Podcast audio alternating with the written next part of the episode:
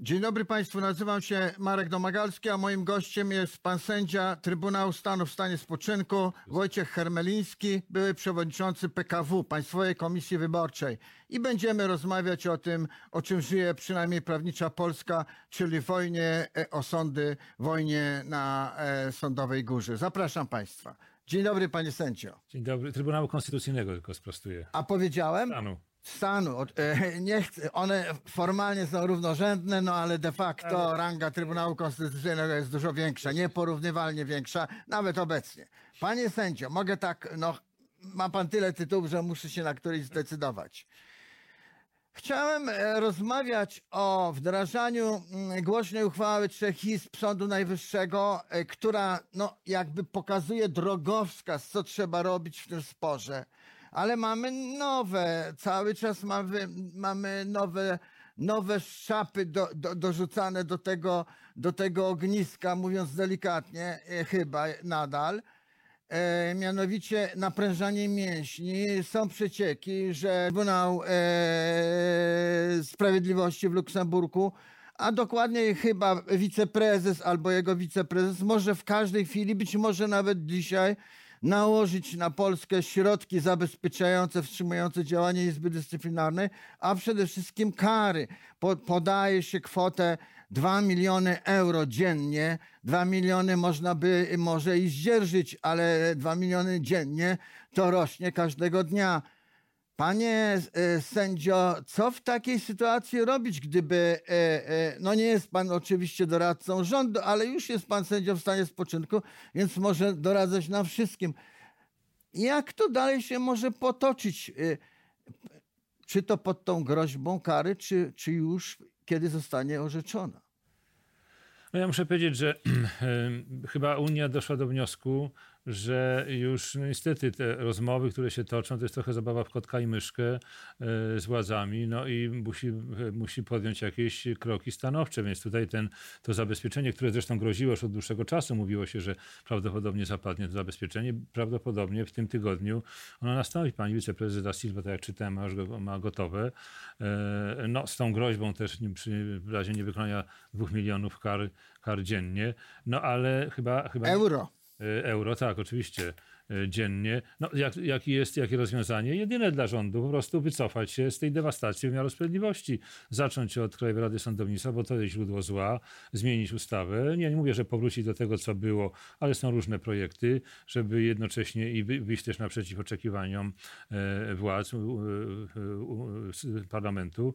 Więc, więc, bo jeżeli tego to nie nastąpi, no to niestety no, trzeba będzie te kary, te kary płacić. No bo tutaj czytam, czytam e, w gazecie, w Państwa gazecie e, wystąpienie pana profesora Gontarskiego, który mówi, że nie płaci, zażalić się e, i zwołać, poprosić o zwołanie e, posiedzenia Rady Europejskiej na, na szczeblu rządu, żeby domagać się zmiany traktatów. No, nikt racjonalnie myślący, może z wyjątkiem Węgier, nie będzie naruszał traktatów po to, żeby u, u, umożliwić Polsce dalsze łamanie prawa. Także to jest w ogóle taka rada trochę niepoważna. Myślę, że trzeba coś z tym zrobić konkretnie, odpowiedzieć na to. Oczywiście no, zażalenie rząd, jeżeli ma prawo, żeby niech złoży, ale, ale trzeba chyba zacząć porządkować ten stan prawny.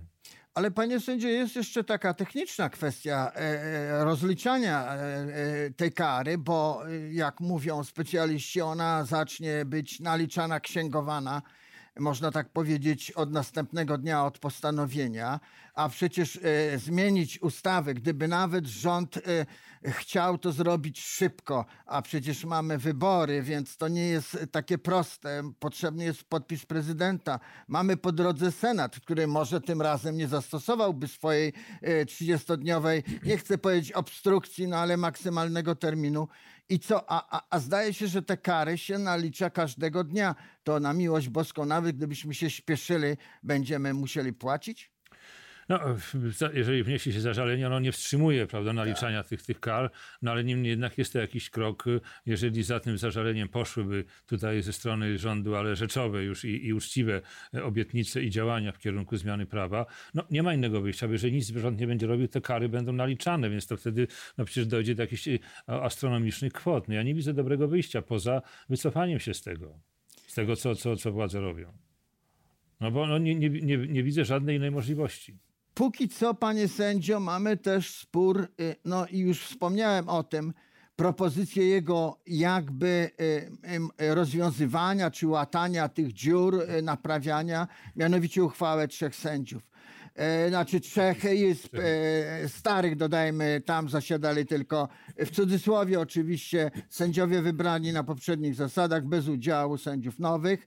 No i tam e, orzeczono e, wieloaspektową, e, wskazano wiele kryteriów weryfikacji tych sędziów. Jak sobie pan sędzia, to, pan sędzia, wieloletni adwokat przecież, prawdopodobnie pan nieraz w życiu, w swojej adwokackiej karierze korzystał z, z, z podobnego narzędzia, nie z tego, bo jego nie było, ale z podobnego. Jak to może przebiegać? No tam się mówi, że będziemy badać cały jakby prawniczy życiorys, aktywność, nawet takie rzeczy, panie sędzio, jak to, y, jak się wypowiadali ci kandydaci. Czy to, dla mnie to trąci prawie inkwizycją. No co będziemy badać, czy sędzia Bojańczyk, były dziennikarz Gazety Wyborczej, a przez jakiś czas piszący y, do Rzeczpospolitej, co on napisał?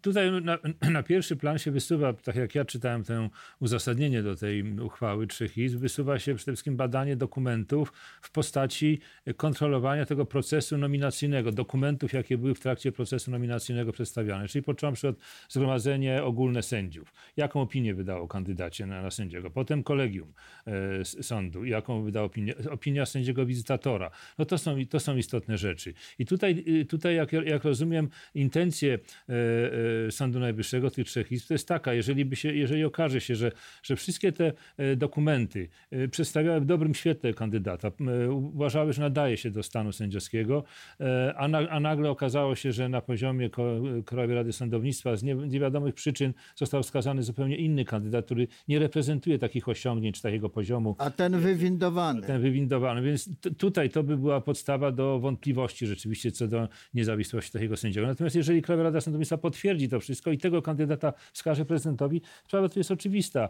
E, także, także te kwestie, które pan redaktor pyta, powiedzmy, e, co mówił kandydat, no to nie o to chodzi, prawda, jak się wypowiadał, ale no jeżeli powiedzmy w jego jakaś ostentacja e, szczególnej przychylności dla konkretnej partii, nie mówię nawet do tej, do każdej, która prawda, będzie teraz, czy będzie w przyszłości rządzić, no nie powinien się specjalnie kandydat wypowiadać w takich, w takich sprawach. No zresztą Trybunał też nieraz orzekał w tej sprawie co do, co do e, e, sędziów Trybunału, którzy być może kiedyś tam wypowiadali jakieś bardzo takie ostentacyjne, e, mieli wypowiedzi, które były no, nie, niewłaściwe z punktu widzenia sędziego. Więc tutaj, tutaj ja myślę, że to raczej będzie jakiś pomocniczy, pomocniczy element. Tutaj będzie na, przy- na przykład przy sytuacji, kiedy sędzia, który już jest sędzią, ubiega się o awans, będzie się oceniało pewnie jego orzecznictwo, czy miał dużo uchylonych wyroków, czy miał jakiś Tu postępowanie akurat w pisemnym uzasadnieniu wskazano, że, że on jakby, jakby ma e, większe e, e, No tak, e, tak. podstawy, by, by być awansowanym. Czy, czy osoby, przepraszam, które tak zwane, jak ktoś mówi, z boku przychodzą. Często No na przykład adwokaci, sędzia posłowie. Ma- Manowska de facto zmieniła salę po prostu na No tym tak. samym korytarzu sądów na e, e, Placu Krasińskich. Tyle, że, przeszła z sądu apelacyjnego do sądu No najwyższego. ale powiedzmy a- adwokaci, czy radcowie prawni, profesorowie, którzy mają też tę boczną drogę, też się będzie oceniało ich, powiedzmy tutaj, jakie mają osiągnięcia naukowe, czy, czy zawodowe, jakie sprawy prowadzili adwokaci, radcowie prawni, czy tutaj nie było jakichś zarzutów wobec ich uczciwości. Ale panie, e, panie sędzio, e, e, e, ta uchwała wprowadza i prostszą, i trudniejszą procedurę, że tak powiem, bo, bo mówi się tak, to nie jest sąd, to nie jest weryfikacja sędziów, Tak, tylko podkreśla- sądów, które e, orzekają. Ale z tego wynika następujący wniosek, że jeżeli sąd uzna, że jakiś sędzia w sprawie o, o zapłatę za dostawę materiałów budowlanych był okej, to nie znaczy, że on na przykład nie może być uznany nie okej, nie może być podważany jego status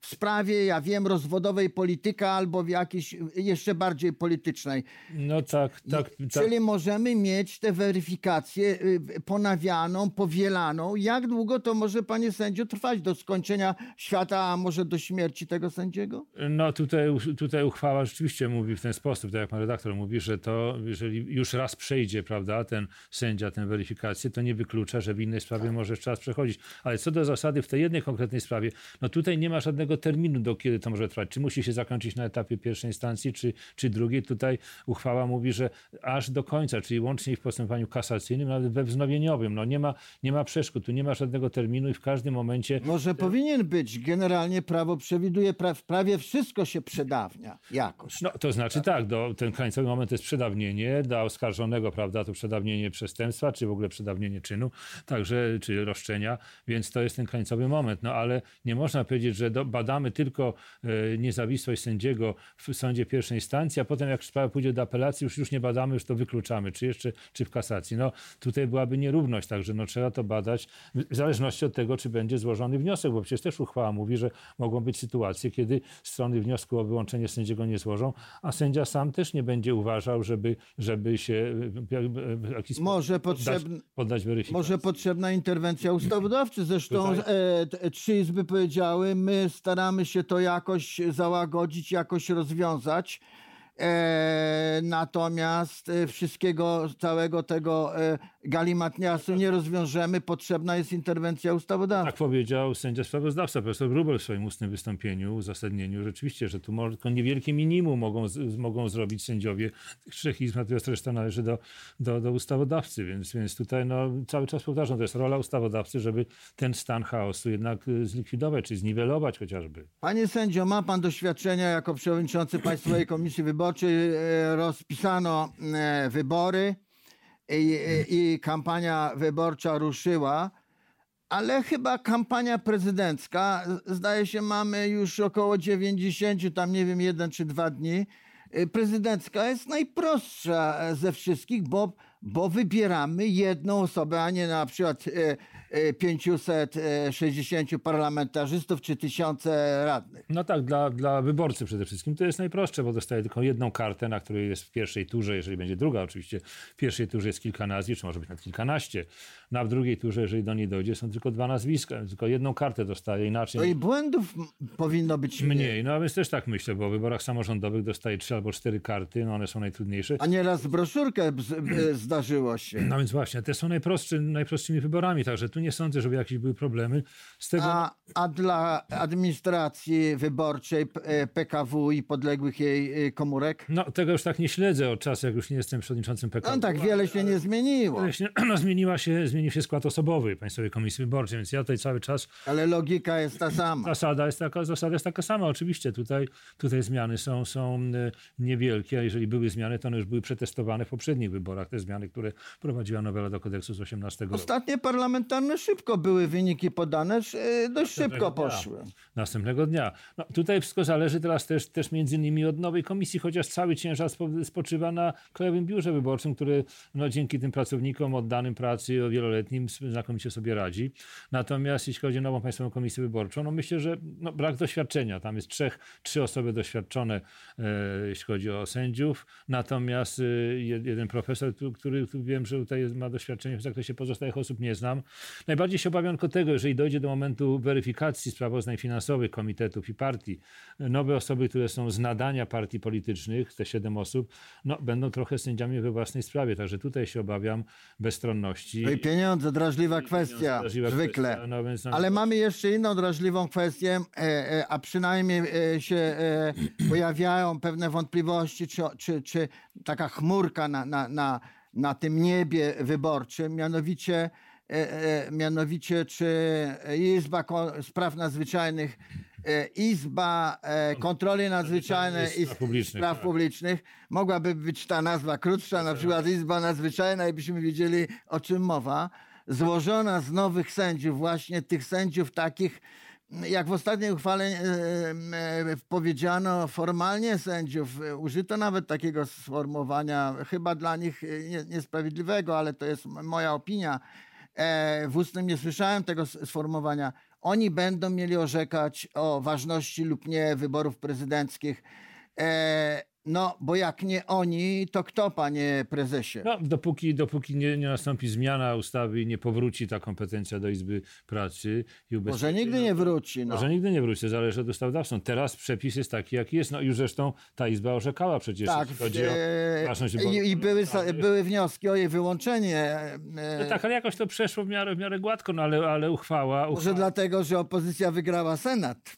Może Znaczy zdobyła Senat. powiedzieć. No, w każdym razie ja nie słyszałem specjalnie głosu jakichś protestów, które by podważały tutaj uprawnienie tej Izby do, do orzekania w sprawie wyborów, no ale niemniej jednak, e, niemniej jednak uchwała tych trzech izb połączonych, no może jest troszkę łaskawsza w stosunku do tej Izby niż do Izby Dyscyplinarnej, no niemniej jednak, no cały czas tutaj, no trzeba powiedzieć, że e, ta Izba no, jest skażona tym, tym grzechem powołania czy wskazania sędziów przez Krajową Radę Sądownictwa, no, która no, jest tym źródłem niestety tej całej, całej procedury, całego tego zła, tak trzeba to, to określić, więc, więc no, mm, tak ta sytuacja sędziów, sędziów wygląda. No, niemniej jednak muszę powiedzieć, że y, Izba y, w takiej uchwale z 8 stycznia, której rozpatrywała odwołania e, od decyzji Krajowej Rady Sądownictwa do Sądu Najwyższego tych osób, które nie zostały przedstawione prezydentowi, no powiedziała wyraźnie, że można po pierwsze badać y, kwestie za- zależności czy niezależności Krajowej Rady Sądownictwa i powiedziała, co jest ważne, że należy pominąć ten przepis ustawy o KRS-ie, który nakazuje umorzyć wszelkie postępowania w tych sprawach odwoławczych. Także, także tutaj, e, tutaj to jest uważam dobre rozstrzygnięcie i myślę, że konsekwentnie należałoby też pominąć przepis tej, tej ustawy, z tej, jeden z tych przepisów ustawy kagańcowej, który mówi o tym, że e, wszelkie kwestie, które są związane z rozstrzyganiem tych wniosków o wyłączenie sędziego, jeżeli wniosek dotyczy e, kwestii umocowania sędziego do orzekania czy jego sposobu powołania, taki wniosek powinien być roz- pozostawiony bez rozpoznania. W tej sytuacji uważam, że te przepisy powinny być pominięte, jako są sprzeczne z ustawodawstwem, e, z orzecznictwem Trybunału Sprawiedliwości, który wyraźnie mówi w swoich sprawach, głównie w tej sprawie Zimentali i innych, że nie może żaden e, urząd e, czy żaden organ krajowy łącznie z sądem blokować realizacji wyroku TSUE.